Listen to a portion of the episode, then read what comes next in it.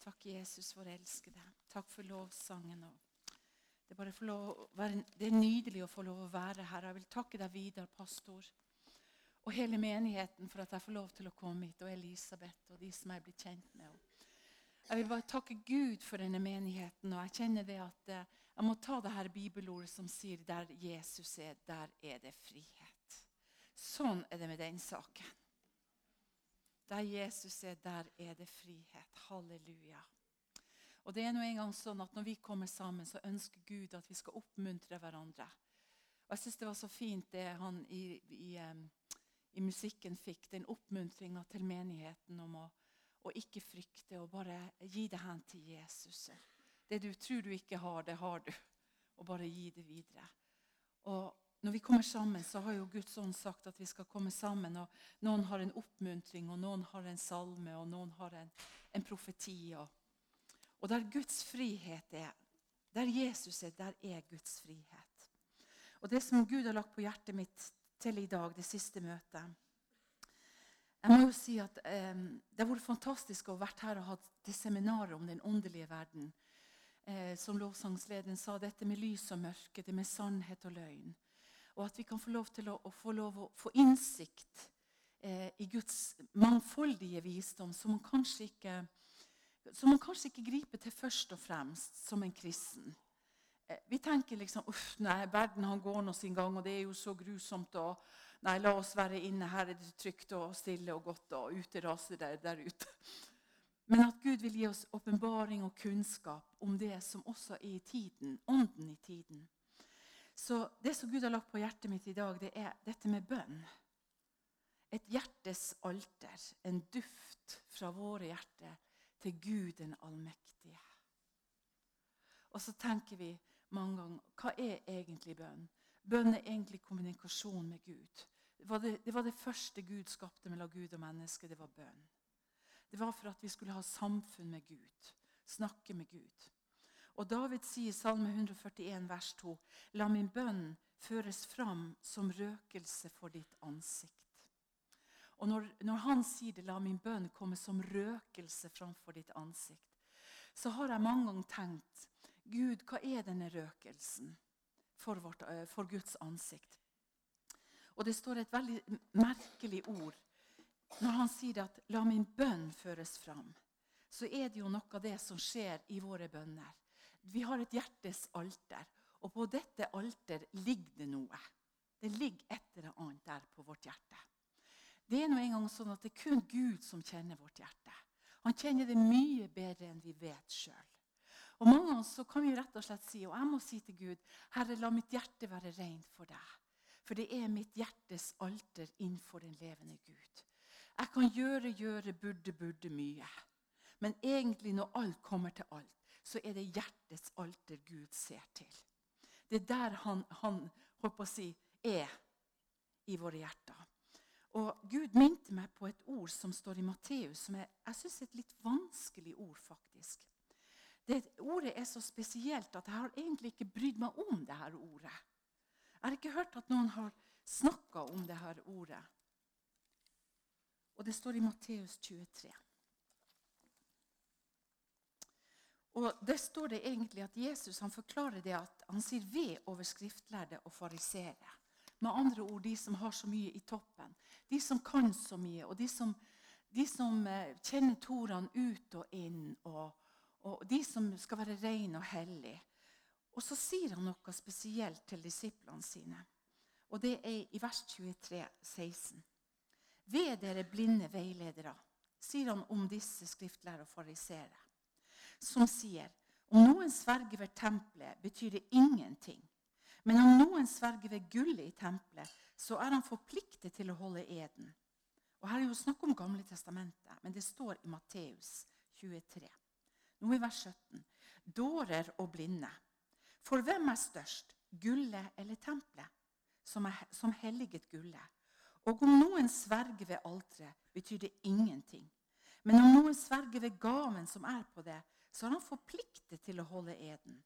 Dåre og blinde. For hvem er størst, gaven eller alteret som helliget gaven? Så er det da hjertet vårt Jesus ønsker å fortelle om. Han sier at dette alteret som ting blir lagt opp på, det er først og fremst dette alteret som er viktig. Og sånn blir det med våre hjerter også. Vi kan gi Gud mye. Og Jeg husker når jeg sto i, i Levende Ord, var sammen med Britt Sølvi som bønneleder. Vi ba dag og natt, og vi gjorde det ene med det andre. Det var ei tidsklemme uten like.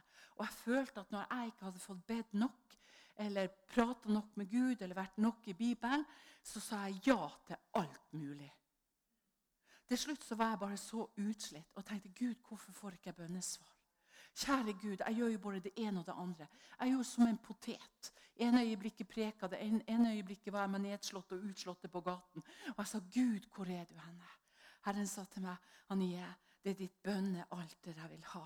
Det er ikke først og fremst gaven som blir lagt opp på dette alteret, men det er selve alteret i ditt hjerte. Der jeg bor ved troen. Det er det jeg vil ha. Det er ikke alle disse gavene. For før jeg visste ordet av det, så steg det ikke opp noe herlig røk fra mitt alter. Det var bare burde, burde, gjøre, gjøre. Dårlig samvittighet for at jeg ikke strakk til og ikke ba nok og ikke gjorde nok. Fordi jeg hadde ikke kontakt med dette bønnealteret. Jeg var bare opptatt ut av gaven. Og det er det Fariseerne forteller. Har vi ikke gjort sånn? Gjør vi ikke de ritualene? Og alt dette som loven og profetene har sagt til oss. Jo, men Jesus han ville forklare disiplene noe. Uansett hva dere ser de gjør, så kommer det en ny tid. Der alteret, det er det som er viktig. Det er det som blir lagt som er det viktige. Det er ikke alt som burde, burde gjøre, gjøre. For kanskje disiplene tenkte å Jesus, nå har vi vært så mye sammen med deg, og vi har jo ikke vært i, i, i tabernaklet, vi har jo ikke vært og, og, tjent, og vi har jo ikke gjort ditt og datt. Og, og har vi rukket å gi tiende og hellige gaver? Knapt nok det, for vi har jo hatt så mye, liksom, vi har jo vært sammen med deg. Men så prøver Jesus å forklare at ut ifra hjertet, det er der alt springer fram. Derfor syns jeg det er så deilig med han David. Og han David sier, la min bønn føres fram som røkelse for ditt ansikt. I Salme 141, 2. Med andre ord, når røkelsen kommer, så var det ikke bare en røyk som i en sigarett. Det, duften det betyr at det var en veldig god lukt. Så når vi blir bevisst vårt eget hjerte, så vet vi også hvordan det ser ut. Da er det ikke burde, burde, gjøre, gjøre og, og, og tidsklemmer og det ene med det andre. Hjertets alter er viktig for Gud. Og våre hjerter, når det er et alter for Gud, så er det så godt å komme framfor Herren og si, 'Herre, jeg har ikke så mye å gi deg, men jeg har mitt hjerte.' Og la, dette, la min bønn som jeg kommer framfor deg nå, la den gjelde som røkoffer. La det være en vellukt til deg, Gud, Herre. For mange ganger kan vi komme framfor Gud, og vi har ikke så mye å, å gi. Og, og, og, Det står i Bibelen om at Gud han kommer ned i det sønderbrutte hjertet, og i den sønderknuste ånd vil ikke Gud forakte. Og han kan få lov å kjenne til og med der skal det være en røk til Herren. Et hjerte som er bare på. Som har faktisk ingenting å gi. Våre bønner er, viktige for Gud. Og det står i Salme 4,6.: Ofre rettferdighetsoffer og stol på Herren. Når vi vet at våre hjerter, at vi er rettferdige for Gud i Den hellige ånd pga. Jesus Kristus. Og han, sangeren sa det òg. Når Jesus står imellom oss og Gud, hva er det da? Da er det vår rettferdighet som går opp til Gud. For det står i Salme 4,6.: Ofre rettferdighetens offer og stol på Herren. Nå er det Jesus som er ofra én gang for alle. Og jeg tror at Gud ønsker at vi skal få lov å se, også i disse søte juletider, at når vi tar krybba opp og julestjerna i toppen av treet, så er ikke det bare noe vi pakker ned til jul. La virkelig våre hjerter ha en sånn bønn i jula og i juleforberedelsene at menneskene skal få lov å se at vi feirer ikke bare jul for å, å spise godt og gasse oss og det ene med det andre, men at vi lever med den oppstandende Jesus Kristus som et lovoffer på våre hjerter innenfor den levende Gud.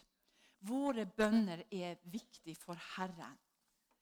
Og eh, Jeg må fortelle dere en, en, en historie jeg hadde et malekurs. Jeg hadde ofte malekurs før. Og eh, jeg brukte å si til Gud jeg bruker alt jeg har i huset. For jeg sa til Gud Gud, jeg ønsker å gi deg hele mitt liv til hode, kne og tå, ånd sjel og kropp, Herre. Hva vil du ha? Så for at altså, jeg skulle bli kjent med naboene mine, så kunne ikke jeg bare si du, eh, har du lyst til at jeg skal be for deg, tror du på Gud og det ene med det andre. Så jeg bestemte meg, jeg leide et lokale, og så hadde jeg malekurs. Og de som ikke hadde penger, de fikk det gratis. Og det var jo de fleste som sa nei, jeg har ikke råd til det. Ok, du får det gratis. Så jeg leide et lokale, og så hadde jeg malekurs. Og mens de malte, da, så hadde jeg lovsang på. Og Noen ganger så begynte noen å gråte. Og så, så brukte jeg å si 'Hvorfor griner du?' 'Nei, jeg vet ikke hvorfor jeg gråter. Kanskje det er bare den kreative ånden i meg som er så sterk.' Som kommer ut når vi har malekurs. Men jeg tenkte det er nok en annens ånd som kommer fram. Og eh, En gang så var det en mann der, og han bodde i Spania. Han var brun og lekker. Og, og, eh, og så eh, kom han ja, to ganger på malekurs.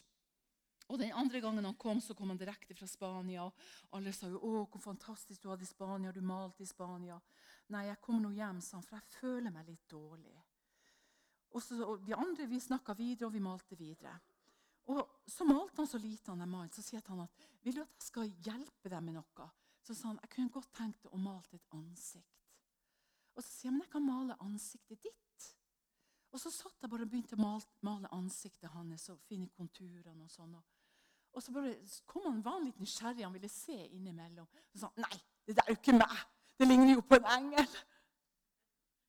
Så sa jeg ja, men det, det, kanskje engelen din ser sånn ut. Vi vet jo ikke. sa jeg, Men det ligner jo litt på deg. Jo, han måtte jo være enig, det ligna på ham, han ble jo litt flau, for det ligna litt mye på en engel. Og mens han satt der, så sa han nei, jeg tror ikke jeg vil male noe på det her bildet. sa han, Jeg tror jeg bare går hjem, for jeg er ikke så bra i dag. Og der og da så bare kjente jeg Guds ånd bare strømma gjennom hjertet mitt. Bønn og nådens ånd. Jeg bare kjente det at Herren sa, 'Ditt alter, Anie, ditt hjerte, hvordan står det til med det i dag?' 'Ja, kjære Gud.' Og han pakka sakene sine sammen og begynte å gå. Det var en lang korridor der jeg leide det der, og det var ganske mørkt. så Jeg hadde ikke så mye lys på, for jeg måtte jo betale for strøm. og alt Det der. Det var ganske mørkt i den korridoren der. Så, så sa Den hellige ånd, 'Løp etter mannen'. Og jeg bare løp etter han så sa 'Kommer du neste tirsdag?' Ja, selvfølgelig gjør jeg det. Å, Gud det er fint.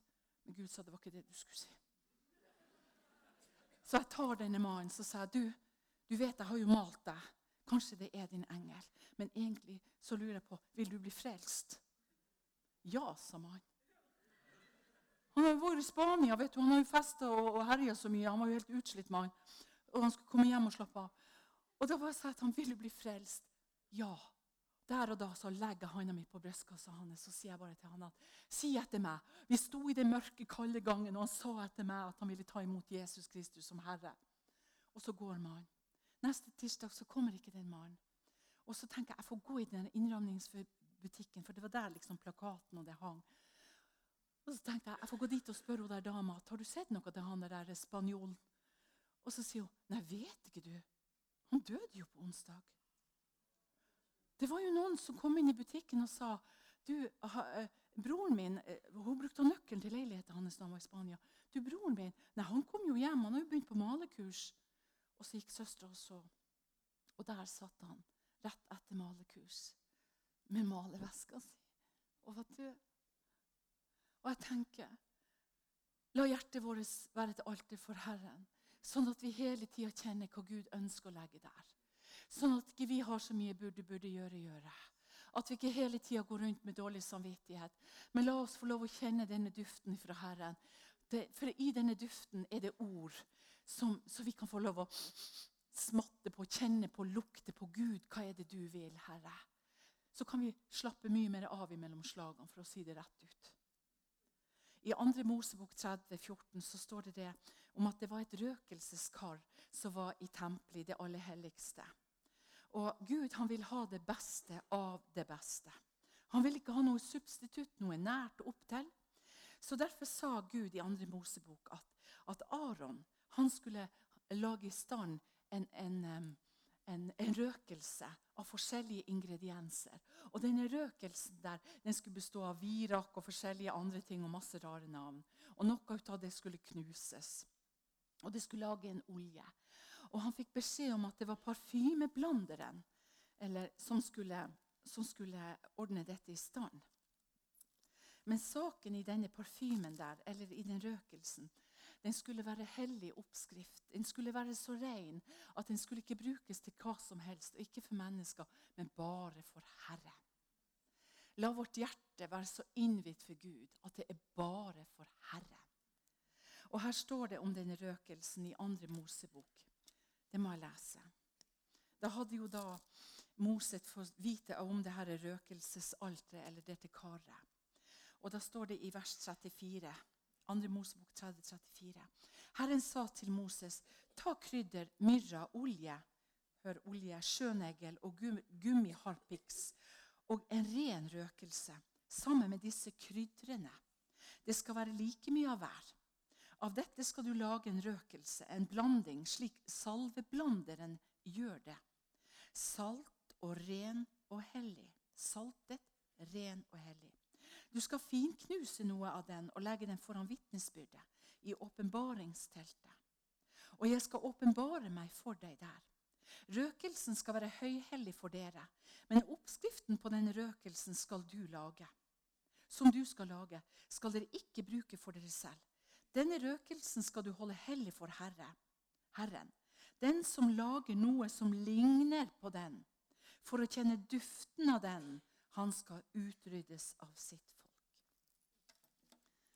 Og Her var det en røkelse som skulle stige opp til Herren. Og jeg tror det var nok det David sa.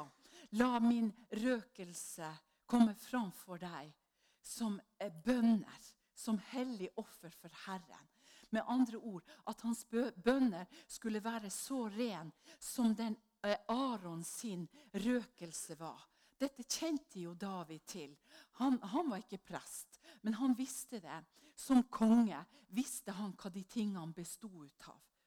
Og, eh, og Vi har jo hatt det seminaret i helga, dette med den åndelige verden. Hva som har sneket seg inn i menigheten i dag. Hvordan kristne mennesker begynner å strekke strikken. Med samboere, lesbiske, med ditten og med datten. Og, og verdens eh, eh, myriader av åndsmakter får lov å komme inn i menigheten. Inn, inn i tankebanene våre. Så det, det, ja, ja, vi strekker nå strikken litt lengre. Men her står det at denne røkelsen skulle være hemmelig oppskrift. Og likevel så er det parfymeblanderen som får lov å, å, å, blande den og lage denne røkelsen. Og David sier, 'La mine bønner gjelde for deg, Herre, som denne røkelsen'. Med andre ord en nydelig duft opp til Herren.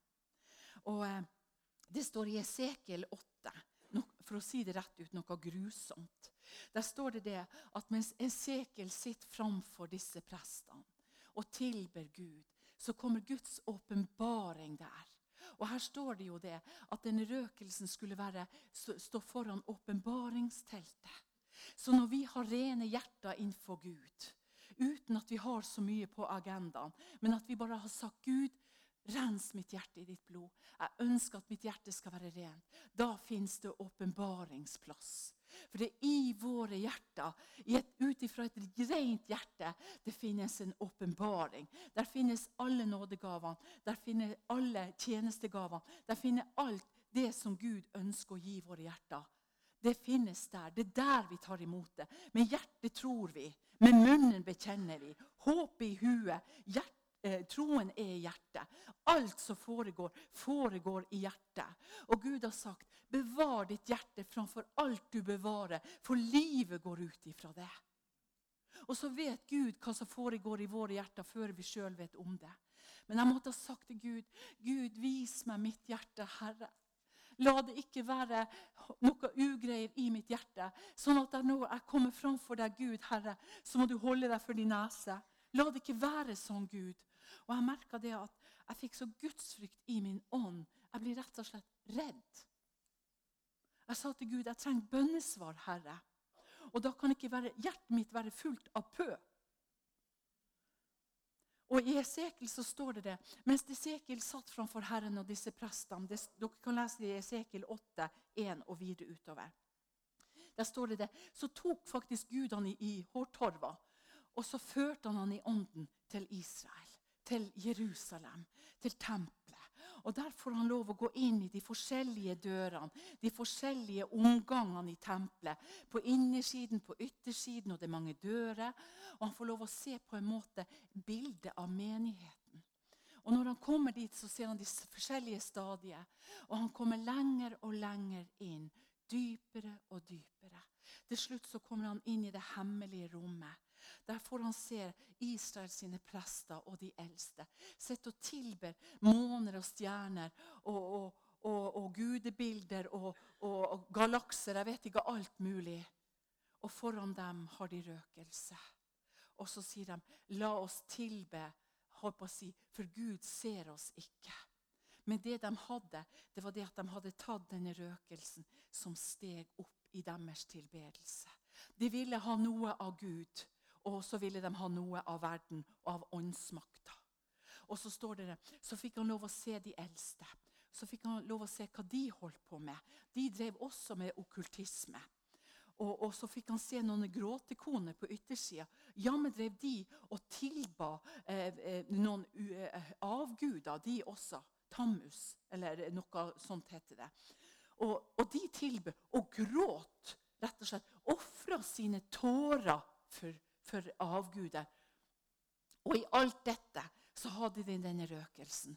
Og Mosebøkene sier her at de som rører denne røkelsen til noe annet enn til Herren, de skal dø. Så er det nå en gang sånn at jeg har sagt til Gud, Herre, jeg kan be og be og be. Men hvis mitt hjerte er fylt av andre ting enn renhet opp til deg, Gud, Herre, og at jeg korter regninger med Gud.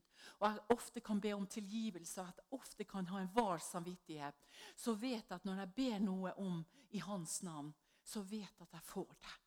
Så trenger ikke jeg å gå knegå Gud. Så kan jeg si til Gud Gud, dette har jeg på mitt hjerte. Dette ønsker jeg å be om. For da vet jeg det. Gud kan ikke motstå meg. Da ville denne røkelsen komme opp til Herren. For Gud har sagt når du bruker den bare for meg, så vil Gud også svare. Og jeg tror Gud ønsker å vise sin brud i dag. At han ønsker å gi oss bønnesvar på bønnesvar på bønnesvar. Og jeg må si som jeg sa den første dagen, når jeg innvier mitt legeme for Gud, og jeg har gjort det i mange år, dette som står i Romerne 12,1, at Gud ønsker at vi skal framstille våre kropper framfor Herren som et levende, velbehagelig offer. Dette skal være vår daglige gudstjeneste. Og jeg som er militærjente, som var inne i militæret på Torpo Vi, vi hadde noe uniformen på, sånn hang noe og slang noe. Vi var utslitt, og så kneppa vi noe opp når vi var på, på felt, eller når vi satt og spiste. eller Skoreimen var ikke så ordentlig på. Det var en måte å, å ta skoreimene bak for at vi ikke skulle snuble i dem. Det var en måte vi skulle holde alle magasinene på plass. Og alt måtte være fint og propper. Men mange ganger ble vi så sliten, så hang det noe slang. Men plutselig så fikk vi høre generalen kommer. Og vet du hva? Vi hjalp hverandre. Vi begynte med en gang. Å, Guri, slipp seg på skeiva. Og er det det? Og ikke bare det. Du, du må putte ned i buksa. Og dine sko Oi, de var ikke godt pussa i morges. Kom igjen. Så tok de faktisk fliken jeg holdt på å si, ut av, eh, ut av, sekken eller ut av lomma og bare pussa hverandre sine sko. Vi hjalp hverandre, så vi kunne stå sånn her når admiralen kom. Og han kunne se på disse damene. Alt håret var innenfor lua. Det var ikke ett hårstrå som hang der. Og jeg tenkte vi har fremstilt oss for generalen. Vi skal være best mulig.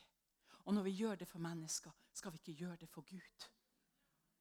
Og Gud sier i Romerne 12 at vi skal framstille oss framfor Herre som et levende, velbehagelig offer. Dette er vår daglige gudstjeneste. Halleluja! Halleluja! Sånn at vårt hjerte er så rent for Herren. Og det står 'sikk ikke lik denne verden', men blir forvandlet ved at deres sinn fornyes. At vi har et hjerte for Gud, at vi vet at våre bønner er så hellige og reine.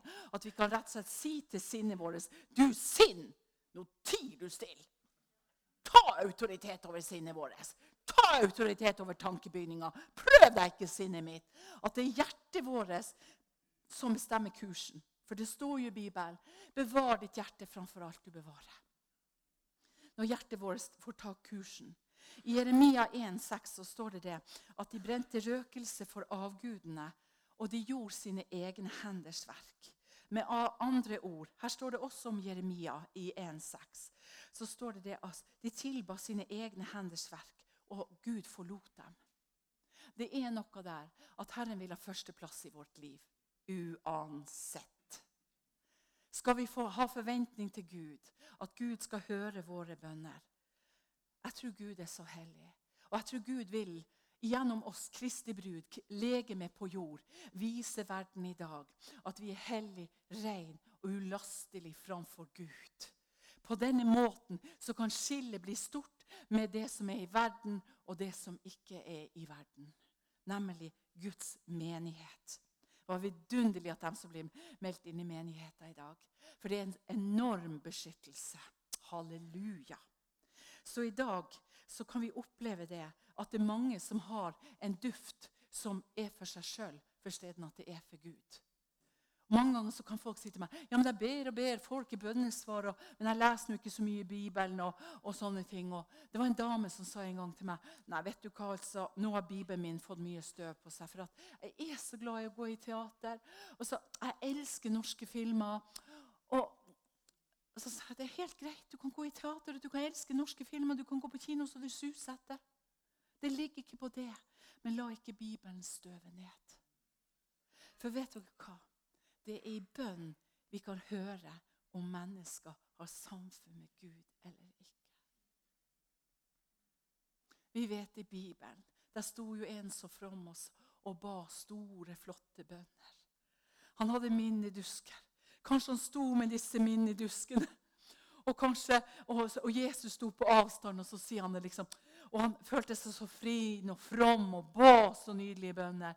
Og så sier den andre, 'Ja, Gud, nesten vær med arme, syndige mennesker nådig.'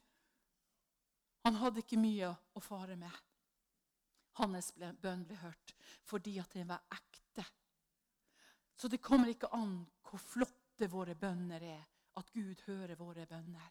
Men det kommer med et rent alter, med hjertet vårt som er rent. I dag er mindfulness, kristen yoga, eh, Jesus jojo og alt det her blitt nesten som en forstoppelse, for å si det rett ut, mellom menneske og himmelen. Fordi at eh, røkelsen får ikke lov å komme opp. Og når vi vet at menigheten i dag vil ha Jesus jojo, de vil ha eh, Jesus yoga, Jesus mindfulness, og de sitter på bønnemøtene og, og, og, gjør alle disse tegnene og bare puster og, og styrer. For stedet å søke den levende Gud. Hvor er det blitt av hjertets alter da? Hvorfor må de ha substitutt? Og dette kommer mer og mer og mer.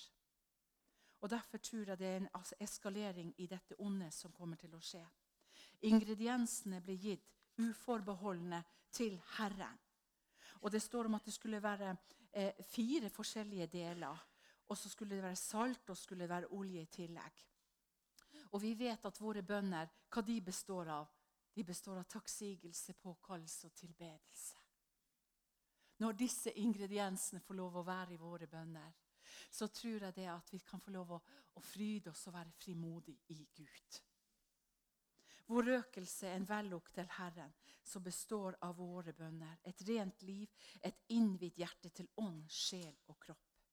I Johannes' åpenbaring 8 så står det noe nydelig der, og det må jeg lese. Vi vet at det står i Fader vår, Herre Fader, skje din vilje i himmelen så og på jorden. Og vi vet at når vi ber, så er det noe som forberedes, forberedes i himmelen. Og da står det i eh, Johannes' åpenbaring 8 eller jeg har lyst til å lese Johannes' åpenbaring 5 først. Johannes' åpenbaring 5, eh, vers 8. Da han hadde tatt bokrullen Det står om verdige lammet. Da han hadde tatt bokrullen, falt de fire livsvesenene og de 24 eh, eldste ned foran lammet. Hver av dem hadde en harpe og gullskåler full av røkelse, som er de helliges bønner. De synger en ny sang og sier, 'Du er verdig til å ta bokrullen og åpne seglene på den.' For du ble slaktet og har frikjøpt oss til Gud med ditt blod, fra hver stamme, tungemål og folk og folkeslag. Og du har gjort oss til konger og prester for Gud, og vi skal herske på jorden. Vi skal herske på jorden. Men helt til å begynne med så står det det at det er de helliges bønner. Dette at han blir hylla. Du er verdig. Du er den eneste som er verdig. Så blir våre bønner inkludert i denne hyllesten. Våre holdt på å si, stakkarslige bønner blir her hylla av de 24 eldste. Kan dere tenke dere? De som er så opphøyd i majestet. De kaster sine kroner framfor Jesus. Lammet er verdig. Og det er røkelsen av de helliges bønner. Folk har sagt til meg 'Jeg klarer ikke å be.' Nå har jeg det så grusomt, klarer ikke å be. Så sier jeg, 'Men du kan sukke. Pass på at hjertet ditt er rent.' Pass på at hjertet er rent, så du kan sukke. Når jeg mista det andre barnet mitt, og jeg tok eh, ultralyd og de sa du, vi, vi, skal sette fødselen i gang, så du får føde dette andre barnet ditt. Hadde ett barn som var krybbedød, hadde en sønn som levde. Og så plutselig så sier legen du, det er noe feil her. Det er noe feil her. Og mens jeg ligger på ultralyd, så bare klapper hjertekamrene sammen. Og jeg bare kjente Gud, Herre, Gud, Herre, har ikke jeg bedt for dette barnet i magen min, Gud? Gud, Herre. Og jeg bare hørte en sånn himmelsk musikk som bare stiger opp fra mitt hjerte. Jeg bare kjente jeg har det rabla for meg, Gud igjen. Kjære Gud. Og da mens jeg bare lå der på ultralyd, og mannen min begynte å gråte Han la magen sin på, nei, ansiktet på magen og begynte å gråte. Han sier, 'Hva er det som skjer?' Og da sa de, 'Barnet dør. Du må føde det nå.' Ellers så blir det farlig for kroppen din. Og jeg husker det, når jeg lå der og fikk, skulle få ria. Jeg bare lå, jeg sa, 'Gud, jeg har ikke ord.' Jeg har ikke vea til å føde barnet. Jeg har ikke ord. Jeg har ingenting, Gud. Men likevel er du Gud. Du er Gud. Og vet du, Da viste Gud meg, Herre, uansett, la ikke det bevare ditt hjerte framfor alt du bevarer. Og jeg husker der og da fikk jeg lov å føde han Benjamin. Jeg kalte han for det betyr det minste, den siste. Og når Jeg fikk, jeg hadde jo to gutter og mista ei jente, og så var det Benjamin til slutt. Og mens jeg lå der, så satte jeg meg bare opp på kne. Så sa jeg til, til Gud Gud, jeg vet at vi skal føde våre barn med smerte. Men Herre, du kjenner mitt hjertes alter. Og så bare, jeg bare tok sats. Plutselig så kunne jeg ta fram dette lille barnet i mine hender. Jeg fikk en sånn tilbedelse på mitt hjerte. Jeg måtte bare ringe på og bare vise dem dette lille barnet med de lange øyevippene.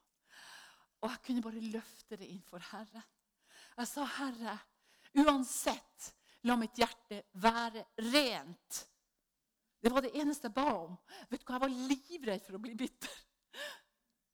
Og Gud, Sånn at Gud kunne bevare mitt hjerte. Og Jeg sier ikke det for å stå her og skryte. Men det kan være ting som kommer på i livet, som kan være med på sånn at eh, det skjer noe med hjertet vårt.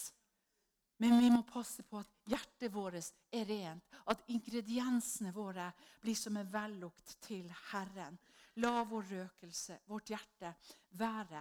La ikke fremmed ild komme i vår røkelse av bitterhet, sinne, uforsonlighet, hat, synd og bedrag, eller hva det nå måtte være. La oss være snar med Herren. La oss ha korte regninger med Gud, for bruden har gjort seg rede. Og og, og når vi bare sto i den siste bare lovsangen og bare henga oss til Gud Jeg bare så den bruden var hvit, og den reiste seg opp i denne menigheten. Jeg, jeg ble litt overraska, for det skjedde så fort. Jeg bare så denne bruden med sitt legeme. Var bare pynta. Smykkene bare, var bare dynga over av disse juvelene, disse smykkene. Som Gud smykker oss med i denne tiden. Med alle sin kjærlighet og nåde. Gud vil at våre røkelser skal være rein opp til Herren. Jeg har mange tenkt på denne salveblanderen. Hvem var det? I Det nye testamentet så har jeg bare lyst til å kalle ham for Den hellige ånd. Må Den hellige ånd være den som bor på vårt hjertes panne. At han kan hjelpe oss så vi holder vårt sinn og våre tanker og følelser rent. At vi har gitt vår kropp til Herren. Når Moses fikk nøyaktige direktiver, så skulle han lage denne røkelsen. Og det var en røkelse som var bestemt for noe bestemt, nemlig Gud. I åpenbaringen 8,3 så står det og en annen engel som hadde et røkelseskar av gull, kom da og stilte seg ved alteret, og det ble gitt ham mye røkelse. Hør, her er det en spesiell engel. Det står ikke at han er av de fire. Det står ikke at han er av de 24 eller de seks. Det står ingenting om, om denne engelen. Men det står det. Så kom det en annen engel som hadde et røkelseskaragur gull, og kom da og stilte seg ved alteret. Og det ble gitt ham mye røkelse for at han skulle legge med det samme alle til de helliges bønner. Vet du hva, Jeg tror jeg må lese det for å få det helt riktig. Eh, I Johannes' åpenbaring 8. De sjuende seil, står det, forspill til de sju basuner.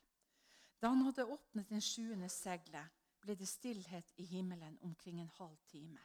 Så kan vi da forestille oss hvem er denne engelen? Han blir ikke kalt for Jesus, men det var kun han som kunne åpne seilene. Så står det Og jeg så de syv englene som står framfor Gud, og det ble gitt ham syv basuner. Og så kommer det en annen engel som hadde et røkelseskar av gull. Hvem er dette røkelseskaret? Jeg vil tro at det er Jesus. Kom da og stilte seg ved alteret. Og det ble gitt ham mye røkelse for at han skulle legge den sammen med alle de helliges bønner på gullalteret som var foran tronen. Og røyk og røyken av røkelsen sammen med de helliges bønner steg opp foran Gud fra engelens hånd. Hvorfor skulle det bli lagt ny røkelse til denne røkelsen igjen? Og hvorfor skulle engelen få det? Vi vet at Jesus er vår forbeder. Halleluja. Han har noe i sin hånd som han skal legge på dette gullalteret foran den levende Gud. Han, han har en tjeneste sammen med Gud å gå i forbønn for de hellige. Halleluja. Og når Gud sier at våre bønner er viktige for Gud, så er våre sukk viktig. Om vi ikke har ord, om vi har mista stemmen, mista forstanden, eller hva det nå måtte være, sykdom eller hva det nå måtte være, så skal vi vite det, at våre bønner gjør en forskjell. Vi skal aldri mistro Gud at våre bønner ikke er viktige. Bønn ikke bare en beval, verbal tilnærmelse til Gud. Bønn er tillit til Gud, et hjerte som gjør det Gud vil. Frivillige bønner er som offer til Herren. Vi salver, og jeg må bare si det ordet, I Forkynneren 10.1.: Døde fluer får en salve til å stinke og til å gjære. Og Det er veldig alvorlige ord, og det har vært alvorlig for meg masse masse år.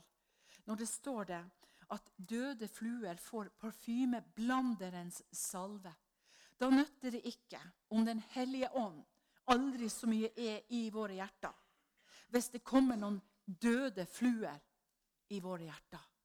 Bibelen kaller døde fluer, eller fluer, fluenes konge, for Lucifer, for djevelen. Han blir kalt for fluenes konge. Døde fluer får parfymeblanderen salve til å stinke og gjære. Slik kan litt dårskap bety mer enn visdom og ære. Den vises hjerte vender seg mot høyre, men dårens hjerte vender seg mot venstre. Selv når dåren går langs veien, mangler han forstand. Om han røper for alle han, og han røper for alle at han er en dåre. Om herskerens ånd skulle gå til angrep mot deg, skal du likevel ikke forlate din plass. For besinnelse Eh, avverger store synder. Og så forteller han hva han har sett under solen. Men der står det det nytter ikke om vi gjør krav på å vi er frelst og gi meg Den hellige ånd og det ene med det andre, hvis fluenes konge, djevelen, får sitt snitt inn i vårt sinn, inn i våre tanker, inn i våre følelser, og som er med på å bryte ned vår ånd. Vet du, Jeg er så glad for denne menigheten her, for dere setter pris på det profetiske. Halleluja! Legg ikke bånd på det profetiske. For det er faktisk mange som har prøvd å legge bånd på meg i det profetiske. Jeg må fortelle dere en historie. Jeg og Bjørg vi var et sted. Så kommer en dame til meg så sier hun bare til meg du, jeg syns ikke at du skal profetere Anie, til fremmede folk i menigheten. Jeg ble veldig overraska. Altså, og jeg bare ble så paff og så sa nei, jeg prøver jo å spørre Herre. Og så ble vi så forvirra, og vi skulle spise sammen med henne. Vi satt der og spiste, og mer jeg satt og spiste med henne, mer dotter fikk jeg i ørene. Jeg fikk så dotter fysisk i ørene mine. Og etter sa hun legg hendene på meg og be for meg. Jeg hører nesten ingenting. Jeg sa ha, ha, ha. Og det ble jo ikke bedre. Og jeg, og jeg kom hjem og sa til mannen jeg skjønner ikke hva dotter gjør. Du må gå til legen. Så sa han og be for meg først. Så sa han men, men, du reiser så mye med fly. Det kan jo bare være der. Så han kjøpte meg sånne propper. Man skulle ha i flyet. Det blir jo bare verre. Og jeg bare sa Gud, det blir verre og verre. Og så skulle vi til Sverige til Linda Berling. Og så betrodde jeg meg til Linda Berlin som sa jeg skjønner ikke det der, men det var en dame som sa at jeg ikke måtte profetere. Og, og, og, og det, det, var noe som tok tak i, i min ånd. Jeg kjente meg at jeg ble litt lei meg, og jeg kjente at jeg la meg under disse ordene. Så sa Linda, vet du hva? Hvis det er det naturlige, så må enten Gud røre med deg, eller du må komme deg til lege. Men hvis det er noe åndelig, så vil det forsvinne. Men vet du, vi var så opptatt av å fika og spise så mange måltider mens vi var der. Så jeg sa til Bjørg før vi skulle reise hjem med flyet, kan du be for meg? Kan du drive det ut i Jesu navn? For det har festa seg noe i hjertet mitt. Jeg har lagt meg under noe som har gått imot Den hellige ånd i meg. Og jeg klarer liksom ikke å reise meg. Og så sier jeg, legg hendene på meg, driv det ut.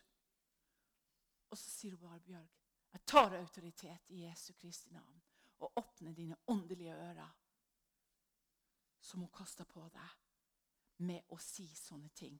Egentlig å gå imot Den hellige ånd og gå imot tjenesten og kallet ditt. Plopp! Siden jeg hadde bestilt time hos legen, så måtte jeg jo gå til legen. For mannen min sin skyld. Og når jeg kom til legen, så Nei, det her er ingenting. Å, du har så rene ører. Å nei, det er ingenting. Så jeg bare halleluja. Jeg var sikker på det noe åndelig. Og det var det jo òg. Det var det. Så jeg er veldig glad for det profetiske her. At man ikke stenger ånden. At man ikke knebler Den hellige ånd. At man ikke lar fluenes konge få lov å komme inn og ødelegge parfymen. Og ødelegge denne salvelsen som Gud har. Så la oss være åpne i hjertet. La salveblanderen, Den hellige ånd, få lov å være i våre hjerter. Så våre bønner kan stige opp til Herren. Halleluja! At vi kan være profetiske i det vi gjør. At vi kan be profetiske bønner. At vi kan be for landet landet vår, så at vi kan rope det ut overalt der vi går. At vi ikke holder noe tilbake. For det står i Bibelen hvis du holder det tilbake, det Gud har gjort deg Hvis du undrer deg, har Gud ingen behag i deg. Så la våre hjerter være rene. La vi virkelig kjenne at våre bønner stiger opp til Gud som en velduft, som en røkelse for Herren. Halleluja. Kan lovsangerne bare komme opp? Halleluja, halleluja, halleluja. Å, halleluja, halleluja. Vi bare elsker deg, Jesus. Du vår hjertets glede, Herre. Å, Hellige Ånd, vi bare takker deg, Hellige Ånd, for du bor ved troen i våre hjerter. Takk, Jesus, for at guddommens fylde bor inni oss. Og vi bare ber Jesus om tilgivelse hvis vi har vært med på å huse noe av fluenes konge, av døde fluer, som har fått lov til å komme inn i denne parfymen som du har født oss på ny med, Herre. Denne duften fra helligdommen, Herre. Denne rene, denne hellige, dette legemet som du gav for våre synder, til soning for våre synder.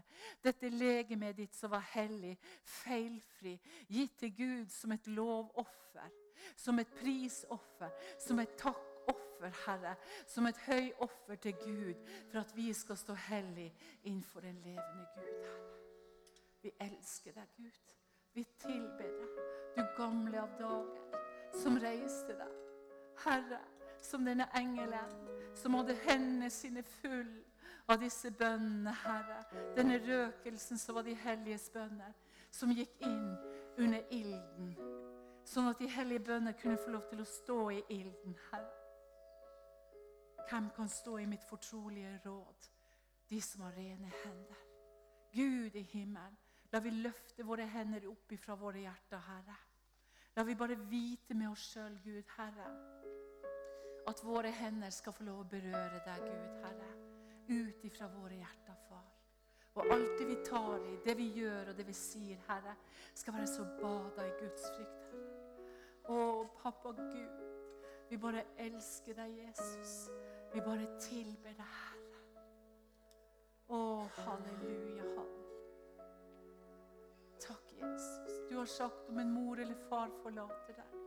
Om en mamma skulle forlate deg, så forlater jeg aldri deg. Takk Gud, pappa, for at du er far for oss, Herre. Og du er Gud, og du er Herre. Takk, Jesus, Jesus. Takk, Jesus, takk, Jesus. Takk, Jesus, for det som står i Lukas om at hyrdene på marken fikk lov å høre. Dette er Messias, Herren, som er født i dag. Halleluja, halleluja. Messias, Herre. Halleluja. Som ikke bare den babyen, Herre, som vi pakker ned etter jul. Herre, men som er kongenes konge. Messias, Herren, som bor ved troen i våre hjerter. Jesus. Jesus. Og så lurer jeg på, pastor, har du, har du en oljeflaske? Også nå mens de spiller og tilber i lovsangen, og dere som vil ha forbønn, dere kommer bare fram.